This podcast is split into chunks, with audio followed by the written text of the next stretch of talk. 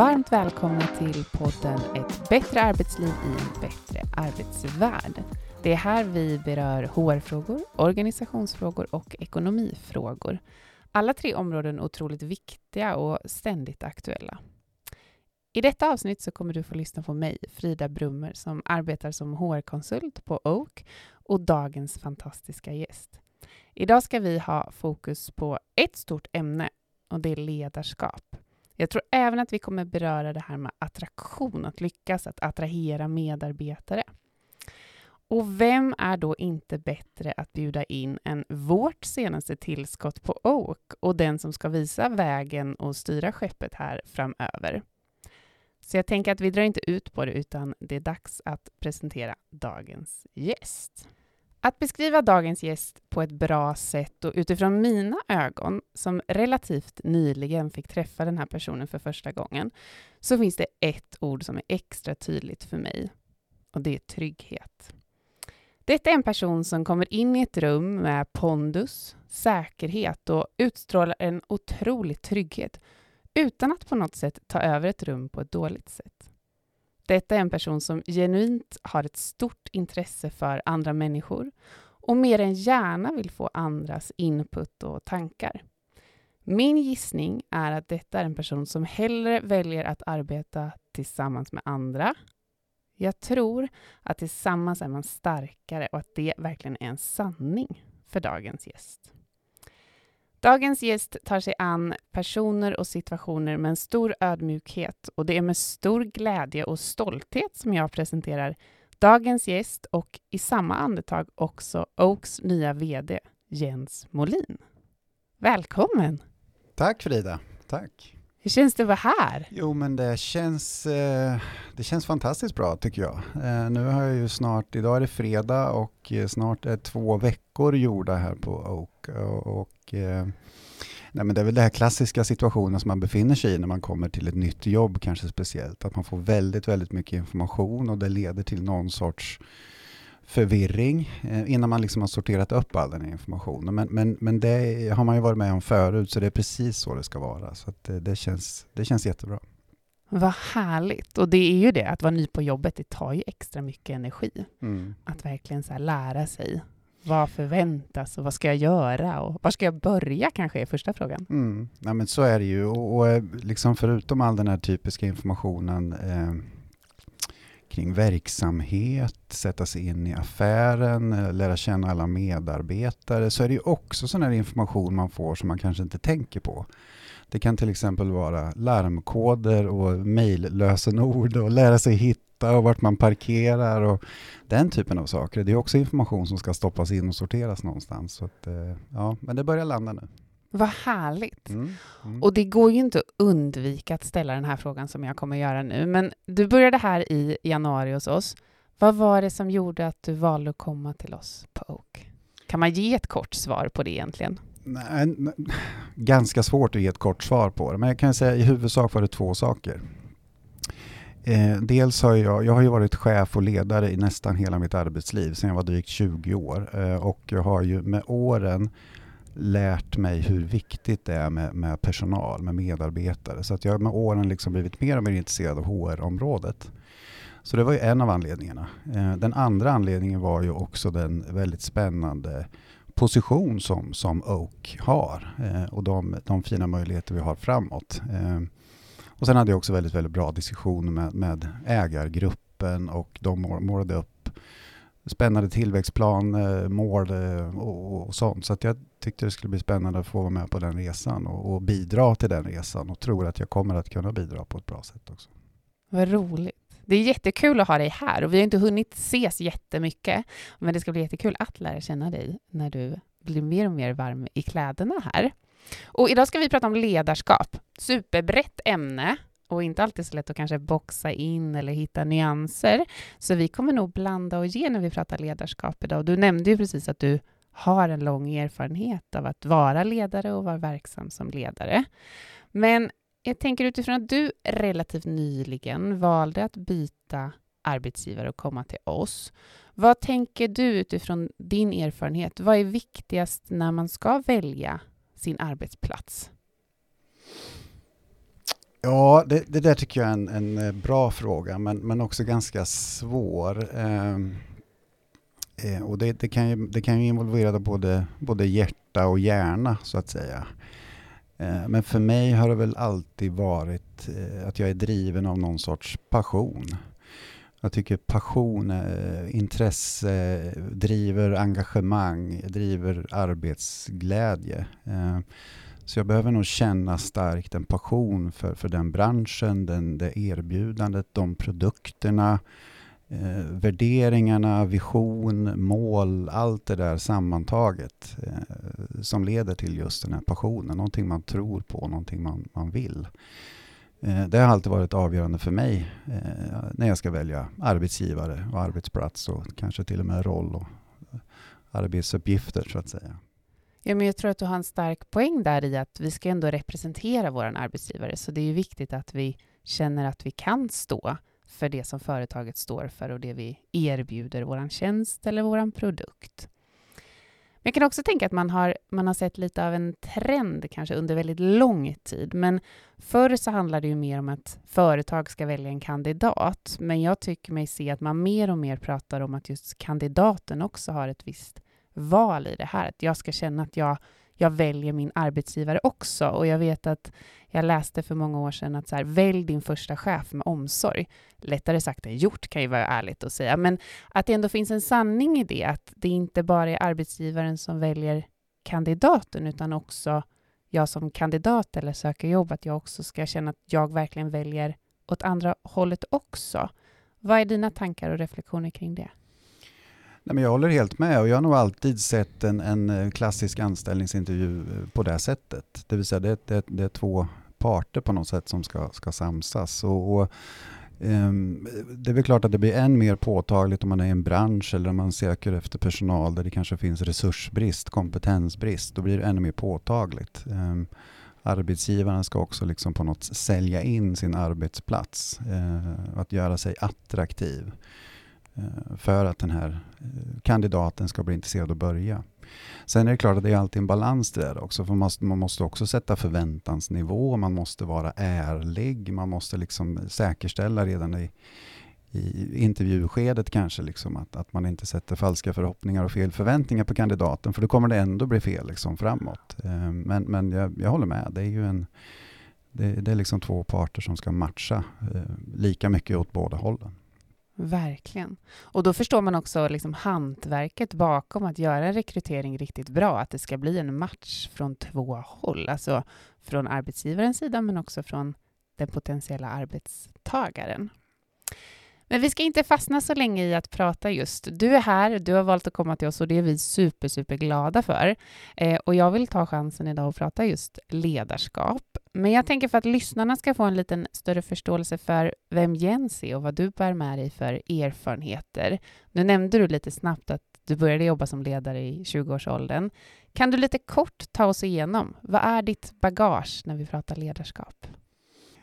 Eh, ja, men man kan ju egentligen börja redan i skolan, skulle jag säga. Eh, och typiskt när jag gick på mellanstadiet, tror jag, när man hade, på den tiden hette det kvartssamtal. Jag tror att det heter utvecklingssamtal idag. Och mamma och pappa kom till, till skolan och så pratade vi med, med läraren. Och eh, då kom jag ihåg att jag ofta fick höra att ja men Jens, du är ju en, en ledartyp. Eh, så det är bra att du föregår med gott exempel eller visar vägen och inspirerar och, och sådär. Och, eh, jag tror att när man var i den åldern så tror jag inte jag tog till mig det riktigt. Jag förstod nog liksom aldrig riktigt vad, vad det betydde. Jag hade nog inte sett mig själv som någon sorts ledare och förstod egentligen inte hur, hur, hur det kunde vara så. Um, utan det var nog först faktiskt när jag gjorde, när jag gjorde värnplikten. Uh, lumpen som det hette på den tiden. Så, uh, så blev jag uttagen till gruppchef och sedermera plutonchef. Och, uh, där fick man ju en hel del teoretisk utbildning också. Väldigt, väldigt bra ledarskapsutbildningar. Eh, den klassiska UGL, utveckling, gruppledare. Och den tyckte jag var oerhört intressant och väldigt, väldigt inspirerande. Vi var också ett väldigt, väldigt bra gäng eh, som, som gjorde utbildningen eh, bra, ärlig och sann och transparent. Ehm, så där skulle jag säga att jag la grunden till intresset för, för, för ledarskap. Ehm, sen när jag var 24 år så startade jag tillsammans faktiskt med en kompanjon ett, ett företag som vi, vi, drev i 12 år. Eh, och det växte också och blev väldigt, väldigt personalintensivt. Så vi hade ett tag mer än 100 anställda. Då. Eh, och så det är klart att där fick man ju också verkligen förkovra sig och eh, lära sig liksom ledarskap, eh, personalarbete, ehm, den, den hårda vägen så att säga, att, att göra det verkligen praktiskt. Um, och, och, typiskt är ju också när man, när man driver ett eget företag så får man liksom driva alla frågor själv på något sätt och sätta sig in i, i arbetsrätt och arbetsmiljöfrågor. Man rekryterade, man avvecklade och försökte också utveckla. Då. Ehm. Verkligen. Jag tänker också när jag träffar chefer så är det ofta så att det är, en, det är så himla stor palett man ska klara av som chef. Det är så blandade frågor som du nämner nu bara, liksom arbetsrätt, arbetsmiljö, avveckla, attrahera, rekrytera. Det är en komplex roll att vara chef. Ja, men det, det är det ju absolut. Verkligen. Eh, och eh, inte minst HR-området är ju väldigt, väldigt brett och som chef och ledare så liksom berörs man ju av, av hela det området. Liksom. Förutom att man också ska ha lönsamhet och göra affärer förstås. Men eh, jag håller med. Ja. När du säger så här, vi startade ett bolag, vi blev fler än hundra anställda, kan du känna en viss stolthet nu när du pratar om det? Ja, det, det, det gör jag absolut och kanske framförallt i, i efterhand. Um, sen är jag en person som, som liksom, jag är inte särskilt skrytsam. Jag tror att de flesta som är nära mig säger att jag är ganska ödmjuk och jag borde liksom framhålla det lite mer. Liksom. Men, men uh, Eh, och i efterhand det jag tar med mig, det är faktiskt också någon sorts eh, tacksamhet skulle jag säga, kanske för alla de erfarenheter och alla, eh, alla de lärdomar som man, man fick med sig genom de åren. Det har ju varit supervärdefullt för mig liksom i min, min eh, ja, vidare karriär eller mitt vidare yrkesliv kan man säga. Då. Eh, ja. Såklart. Vad hände då sen, efter det här? Vilka steg tog du i karriären då? Ja, efter att vi hade sålt företaget och det var ett sånt här klassiskt företagsförvärv. Det var ett väldigt stort företag som köpte ett relativt litet företag och eh, ganska ofta så blir kanske de förvärven inte riktigt vad man hade tänkt sig. Eh, så jag trivdes väl aldrig riktigt bra i, i, i den här stora företagsmiljön när vi kom in dit utan jag jobbade kvar ett år ungefär. Ehm, och sen hade jag en period där jag verkligen försökte fundera och kontemplera lite över vad ska jag göra nu då? Ehm, så att jag sökte en hel del jobb, men i, i, stort sett bara jobb som, som innebar att vara ledare då. Ehm, för det var någonting jag verkligen kände att jag ville jobba vidare med och, och fortsätta utvecklas. Eh, så att jag hamnade faktiskt i säkerhetsbranschen eh, och specifikt inom teknisk säkerhet eller elektronisk säkerhet som man säger i den branschen. Då, eh, på ett företag som på den tiden hette Niskaya. Eh, så vi jobbade typiskt med installation, service underhåll och försäljning av, av tekniska säkerhetssystem. Då. Eh, ja, och där blev jag kvar faktiskt i, i 15 år eh, i olika olika roller. Företaget hann byta namn några gånger också längs vägen, men, men jag började som lokal platschef kan man säga och sen har jag varit regionchef och under några år också eh, produktionsdirektör både i Sverige och i Norden. Då. Spännande. Då finns det ändå någonting som kittlar när det kommer till ledarskap och någonting som lockar dig till att jobba med de här frågorna, om jag tolkar dig rätt i din beskrivning här? Ja, nej men det gör det ju verkligen. Och, och, och, eh, jag tycker ledarskap är ju kanske en av de viktigaste komponenterna eh, i ett företag eller en organisation för att få saker att hända och få saker att hända på rätt sätt. Eh, man kan ha eh, mål och planer och policies och instruktioner och alla de här sakerna som, som ligger till grund för ett företags verksamhet. Men har man liksom inte rätt ledare och ledarskapet på plats, eh, då kommer det ändå inte bli rätt. Det kommer ändå inte bli bra. Så därför ser jag liksom ledarskapet som ja, egentligen helt avgörande för att, att få, till, få till det man vill få till, så att säga. Verkligen. Men du, om jag får utmana dig lite, för ibland pratar man om ledarskap, men man brukar säga att man är chef. Jag är inte ledare. Vanligt är det att säga att jag jobbar som chef, eller jag är vad man nu har, produktionschef eller vad man är. Så vi pratar om lite två begrepp i det här. Vi pratar om ledarskap och vi pratar om chefskap. Mm. Skulle du säga att det är någon skillnad, eller är det samma sak? Hur skulle du beskriva det? Eh, nej men det är skillnad. Den allra första uppenbara skillnaden det är väl att, att chef är ju en titel. Eh, och ledare är någonting man är skulle jag säga. Eh, man brukar ibland prata om informella ledare och det är ju personer som inte har chef som titel utan eh, en person som av någon anledning, sina förmågor och egenskaper har möjligheten att påverka och kanske framförallt då påverka andra människor. Eh, så att jag tycker det är en väldigt, väldigt stor skillnad eh, ja, utifrån de, det grundläggande begreppet. så att säga. Verkligen. Och du pratade om att det kom på tal till och med när du var på kvartssamtal i skolan och att då fanns de här egenskaperna. Om du nu med lite perspektiv och kanske också tittar på andra, vad skulle du säga är egenskaper eller personligheter som man behöver för att både kanske trivas men också lyckas i sitt ledarskap? Eh, nej men jag skulle säga att man behöver ju ha ett genuint intresse för människor. Um, det, det lär ju vara en, en, liksom en grundläggande egenskap liksom för att bli en, en bra ledare framför allt. Man, så, så, måste man vara intresserad av människor. Man måste vara intresserad av att kanske bygga team och få människor att jobba på rätt sätt och, och, och jobba tillsammans. Um, Sen finns det ju andra egenskaper också givetvis kring det jag brukar tänka mycket på det är liksom vikten av, av kommunikation. Ehm, eh, att, att kunna kommunicera på, på ett lättfattligt sätt. Eh, jag brukar ofta återkomma till det är liksom inte alltid så viktigt vad man säger. Det är kanske viktigare hur man säger saker. Ehm, eh, och att kunna anpassa sig också till olika personer, till olika situationer. Och, ha förmågan att vara liksom lite, lite kameleont utan att för den sakens skull tappa bort sig själv så att säga och ha flera olika ansikten. Men, men anpassningsbar eh, skulle jag säga. Verkligen. Tror du att alla människor har förmåga att bli ledare eller chef? Nej, det tror jag faktiskt inte. Jag tror inte det och Eh, jag tycker mig, jag har liksom inte något riktigt eh, patentsvar på det där. Men om vi cirkulerar tillbaks till mina kvartssamtal i mellanstadiet så tycker jag nog se att de, de personerna som jag tycker är bra ledare i alla fall, de har nog haft det där med sig också ganska mycket från början vilka specifika egenskaper som gör att man blir en bra ledare eller att man uppfattas som en bra ledare att man har den här förmågan att påverka andra människor. De, det har inte jag riktigt listat ut än faktiskt. Det är ju, det är någonting som är, är ganska svårt och har med många olika saker att göra, gissar jag.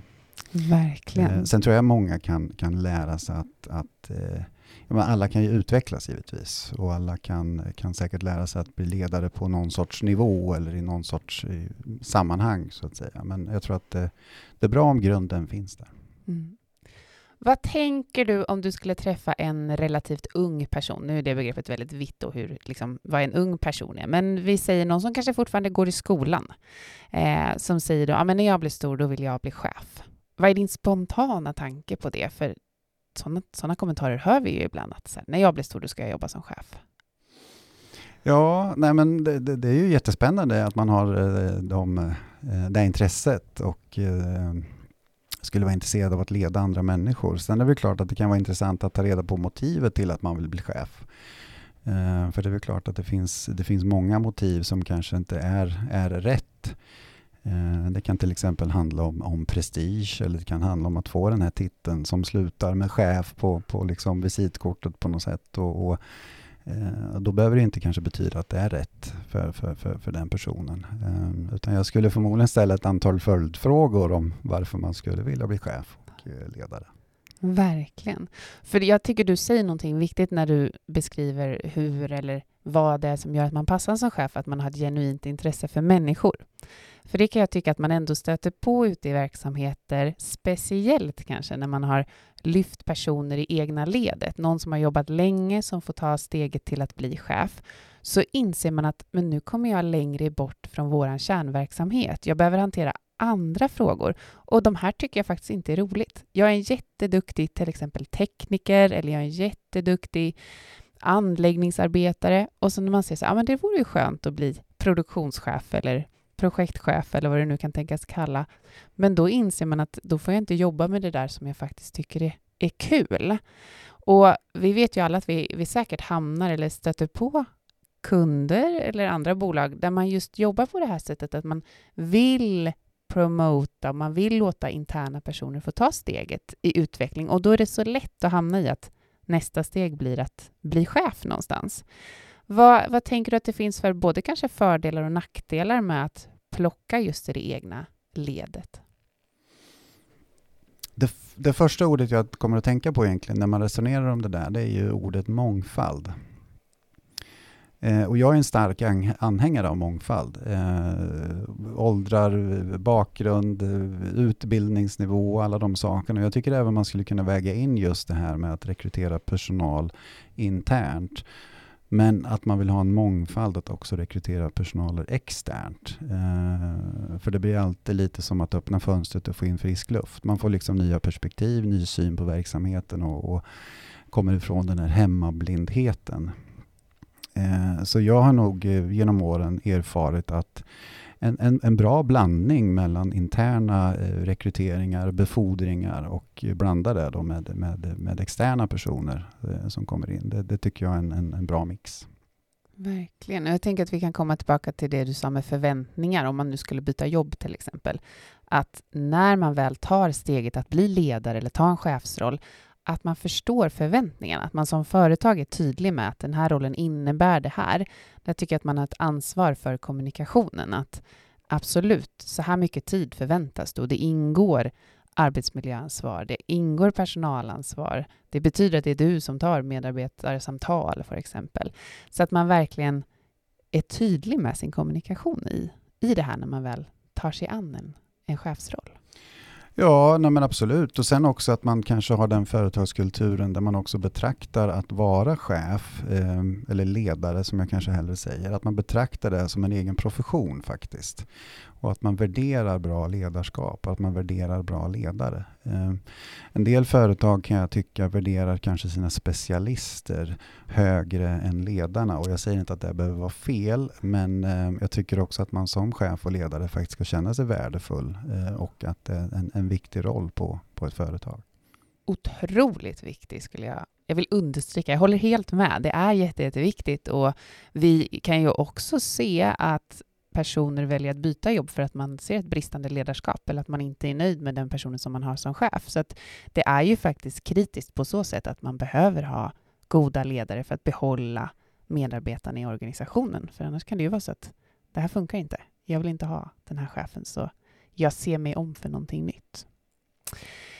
Men du, jag tänker, du sa lite att det här med din ödmjukhet och kanske inte sticka ut och skryta på något sätt. Men nu kastar jag ut en liten fördom som jag har då, utifrån det lilla vi har fått träffats. Eh, men min fördom är, och jag hoppas att den stämmer också i och för sig, men min fördom är att du är väldigt uppskattad som chef och att man tycker om att ha dig som chef.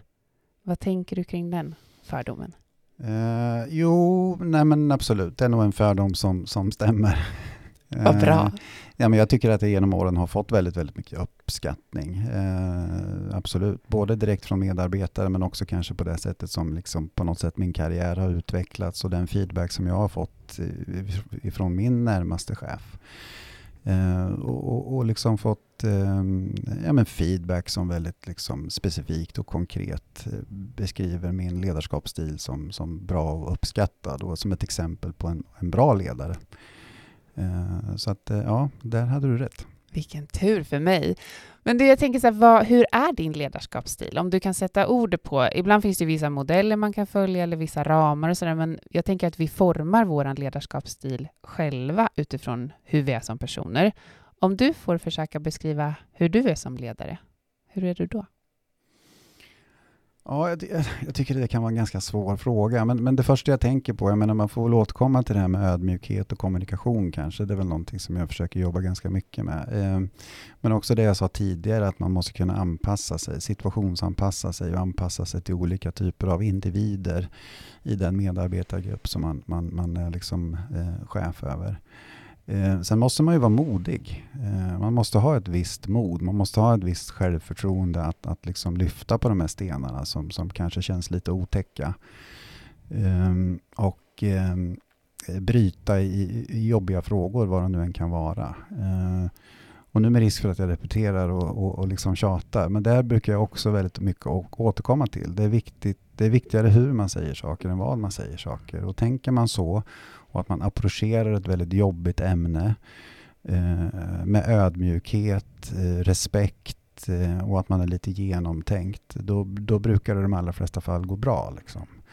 Eh, och sen är det klart att det där kommer med någon sorts erfarenhet också. Eh, man lär sig liksom hur man kan hantera vissa frågor eh, genom att helt enkelt öva och träna på att ta tag i jobbiga saker. Såklart. Det du beskriver med mod nu och kanske våga ta tag i de där som vi ibland kallar lite surdegar eller saker som har legat länge. Vad händer om man som ledare inte tar tag i dem? Eller vad finns det för risker med att lite blunda för de här skulle du säga? Ja, men de allra uppenbara riskerna det är ju att man som ledare uppfattas som, som liksom handlingsförlamad eh, och, och, kanske feg då, om det är motsatsen till, till mod. Mm. Eh, och då kommer det ju ligga och puttra och pyra och förmodligen jäsa och bli ett större problem än vad det borde ha gjort. Då. Eh, och i förlängningen så givetvis är det så att man, man kanske också delvis tappar lite i respekt ifrån, eh, ja, men ifrån resten av personalgruppen exempelvis som, som går och sneglar på den där surdegen varje dag och ingen tar tag i det. Och det blir frustration och det blir bristande respekt och det blir bristande förtroende och till slut så känner man att det inte funkar särskilt bra. Um, så, så ja, det är väl det som blir resultatet. Verkligen. Tror du att man när man är ledare eller har då sin, sin chefsroll, tror du att man har ögonen mer på sig från medarbetare, att man förväntas göra vissa saker eller på ett visst sak, på ett visst sätt. Liksom, i, ja, i ja, men det hoppas jag verkligen. Det mm. ska man ju ha. Mm. Eh, det står ju till och med i arbetsbeskrivningen. Jag menar, har man ett ansvar, vilket man ju har när man har titeln chef, så, så förväntas man ju ta det ansvaret också. Det liksom ingår ju på något sätt i arbetsuppgifterna och automatiskt då kommer man ha ögonen på sig. Man kommer ha förväntningarna på sig. Eh, att man gör sitt jobb. För det är ju faktiskt det det handlar om. Ja. Jag kommer precis från, i veckan här så var jag höll utbildningar och då pratar vi delvis om att vara en förebild. För alla de jag träffade var chefer eh, för olika stora grupper och pratade vi om hur är man en, en förebild och hur leder jag genom ett, att vara ett gott exempel? Och då kom jag tillbaka till när jag var gruppträningsinstruktör och att när man står där så måste man göra allting lite större, lite mer, lite bättre, kanske lyfta lite tyngre för att visa. Eh, och vi kom tillbaka till det under diskussionen att det är lite som att vara chef. Det kanske inte räcker att du gör by the book. Du kanske måste göra ytterligare ett steg för att verkligen visa på ett gott exempel. Vad, vad tänker du kring den reflektionen? Jag, jag, tycker det är en jättebra liknelse. Verkligen. Eh, och den liknelsen kan man väl applicera i andra områden också. Kanske jämställdhet mellan könen exempelvis. Man upplever ju det resonemanget mycket från, från kvinnor i arbetslivet där man måste vara lite bättre och springa lite högre och hoppa lite sådär. Så det, jag tycker det är en, en jättebra liknelse och någonting som jag kanske inte riktigt har tänkt på själv faktiskt. Eh, men att, att vara en, ett föredöme och en föregångsman, ja det är ju någonting som jag också tycker är oerhört viktigt. Och det, det kan ju vara liksom i, i det lilla till det stora. Eh, men som du säger, att göra rörelserna lite ivigare och lite mer tydliga, det är ju ett, ett jättebra tips. Det, det ska jag ta med mig. Du får sno den rakt av. Ja, tack så mycket. Det går jättebra. Men du, på tal om lite fördomar så trillade jag över en rolig lista och jag kunde inte hålla mig från att börja skratta när jag såg den här. Den har ungefär tio år på nacken och det handlar då om fördomar kring chefer. Um, och jag tycker att den, den var lite rolig och intressant och jag tror inte det på något sätt är en heltäckande sanning. Um, och då ställde man frågor om vad, vad man vad man tror om sina chefer eller vad chefer gör. Eh, och då finns det fem saker här och jag tänker att du ska få komma med lite kommentar kring det här om du kan hålla med eller om du tror att det här är en, en sanning som har skapats av arbetstagare. Och det första som 92 procent i den här undersökningen eh, ansåg att chefer gjorde, det var att de jobbade övertid. Vad tänker du kring det?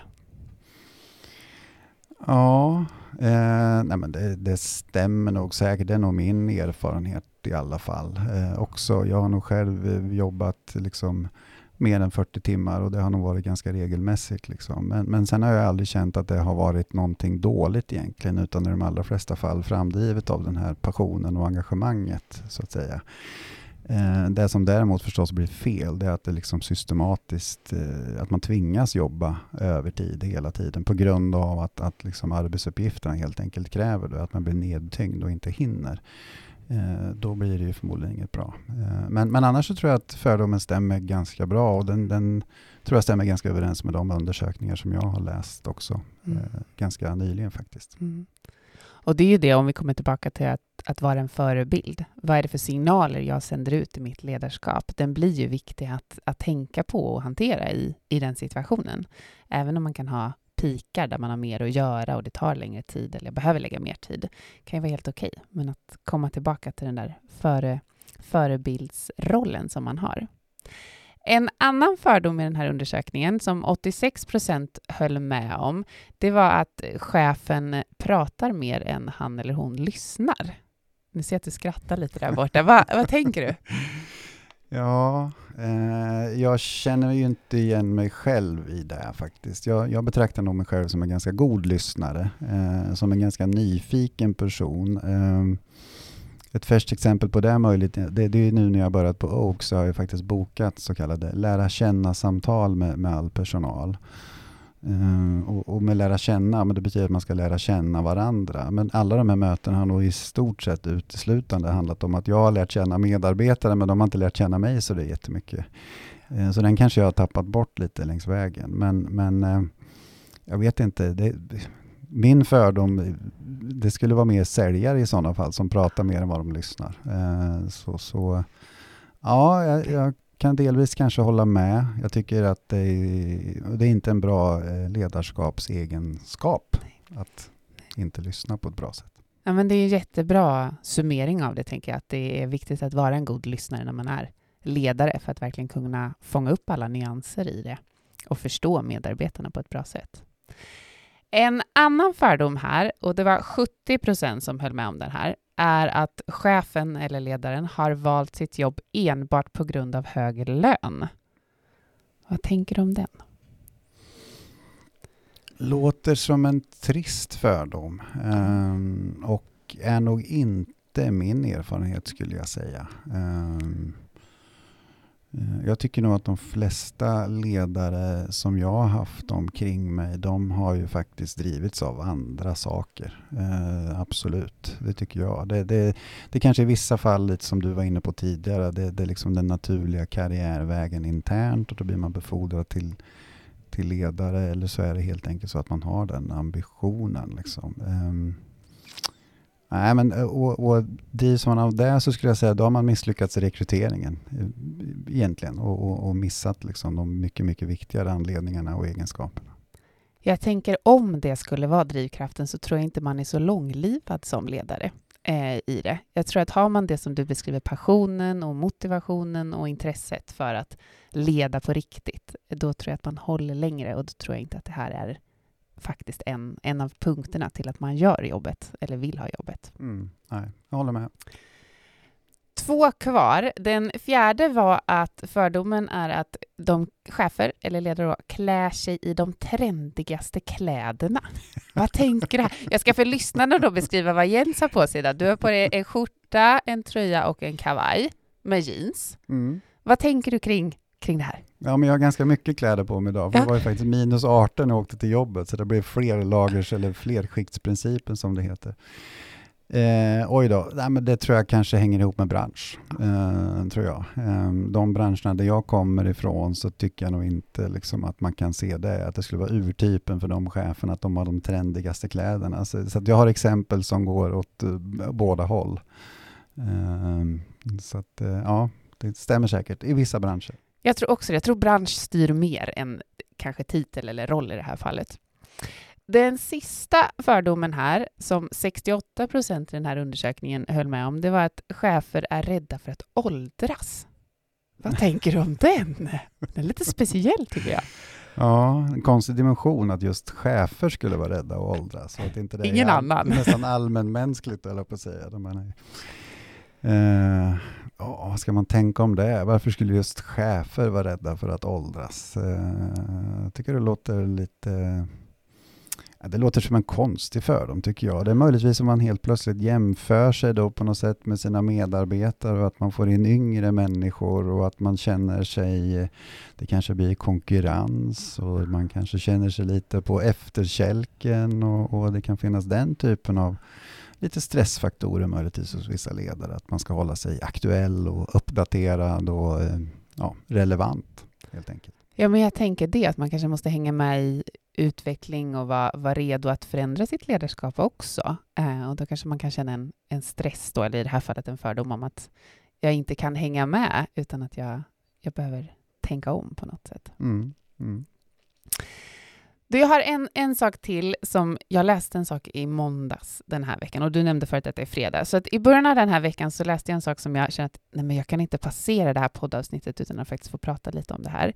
Och då läste jag en artikel kring ett ämne och lite kort då när man pratar om ledarskap så är det att cirka 20 procent av alla ledare med personalansvar att de har det med ett syfte och det syftet är att ha makt. Så det enkla här är att de här personerna inte lämpar sig för att vara ledare egentligen, för har man den drivkraften att man faktiskt vill ha makt, så kan det ju vara så att man har en med en psykopat att göra. Eh, och det här ämnet är ju värt ett poddavsnitt i sig, att prata om hur blir man ledare och på vilka grunder och sådär. Men om vi vänder på det, om man som medarbetare skulle uppleva att jag har en chef som är det av fel grunder, eller jag har en chef som drivs av kanske makt eller vill bestämma. Vad tänker du att man som medarbetare kan eller bör göra i en sån situation?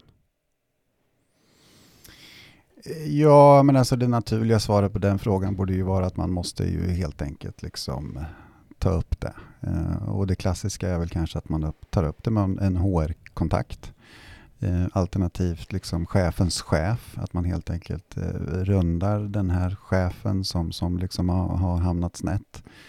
Eh, och sen förhoppningsvis då liksom att man får gehör för det på, på, på något sätt. Eh, jag tycker det låter, låter fruktansvärt. Sen, sen kan ju makt, ja, vi behöver inte prata om det nu kanske. Makt kan ju eh, Makt kan ju också vara positivt under förutsättning att det sker på rätt grunder och är, är liksom eh, enligt, enligt företagens vilja och önskemål. Liksom. Men, men det är väl klart att makt för sakens skull och att man liksom, eh, gör det för, för sin egen självförhärligande skull, då blir det ju fel såklart. Verkligen, verkligen. Och som vi sa, det finns ju liksom ett, vi kan ta ett helt avsnitt om att prata om grunderna till att bli chef och vad vi drivs av och sådär. Men jag kände, det var så himla passande nu när jag skulle få sitta ner med dig och prata om, om just ledarskap, att ändå nämna det här. Och just att, som du säger, ta ansvar om man som medarbetare upplever att jag har en chef som som gör någonting felaktigt eller jag blir obekväm eller jag känner mig diskriminerad, oavsett vad det är, att ändå ta upp det. Eh, och vi vet ju att det finns många företag som, som är mindre eller mellanstora där det kanske inte finns en, till exempel en HR-kontaktperson och då gäller det liksom att ta det med någon annan chef eller någon annan ansvarig.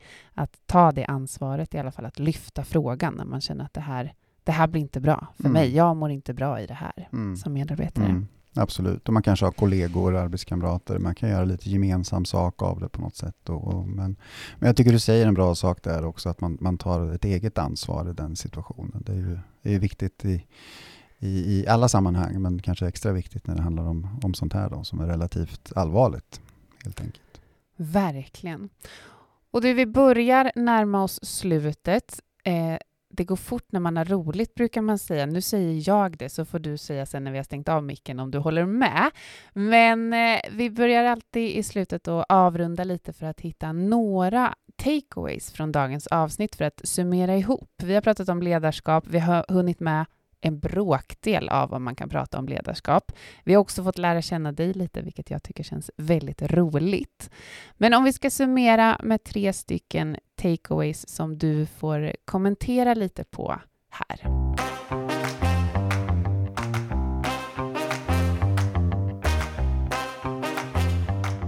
Jag tänker att det första du sa, eller en av de första sakerna, det var kommunikation.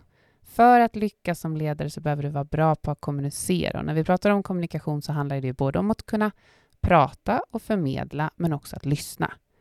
Vad är dina tankar kring det?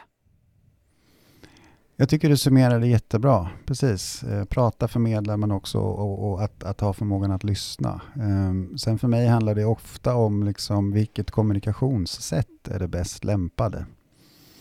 Eh, jag menar med, med dagens eh, liksom, kommunikationsvärld vi befinner oss i så vi kan, vi kan mejla, vi kan chatta, vi kan smsa och det finns säkert företag som använder sociala medier och vi har vi har möten och vi har alla de här sätten. Eh, jag försöker ofta liksom värdera vilket kommunikationssätt är rätt för respektive ämne och vilket lämnar, lämpar sig bättre än någonting annat. så Att säga. Att man funderar lite över det. Det som ser bra ut när man skriver en text och skickar iväg den kanske inte uppfattas på samma sätt när man faktiskt läser den där texten. Ja, men då kanske man skulle ha ringt ett samtal istället exempelvis. Då. Eh, men sen tänker jag också mycket på kommunikation. Det handlar ju om, om tydlighet kring eh, vart vi befinner oss någonstans som företag, som organisation. Vart är vi på väg någonstans? Vad har vi för mål? Vad har vi för planer? Och att, att förmedla det så att alla känner sig ganska trygga i det. Eh, där tycker jag vissa också kan ibland brista lite i kommunikationen. Där det finns en otydlighet och en osäkerhet. Jättebra input.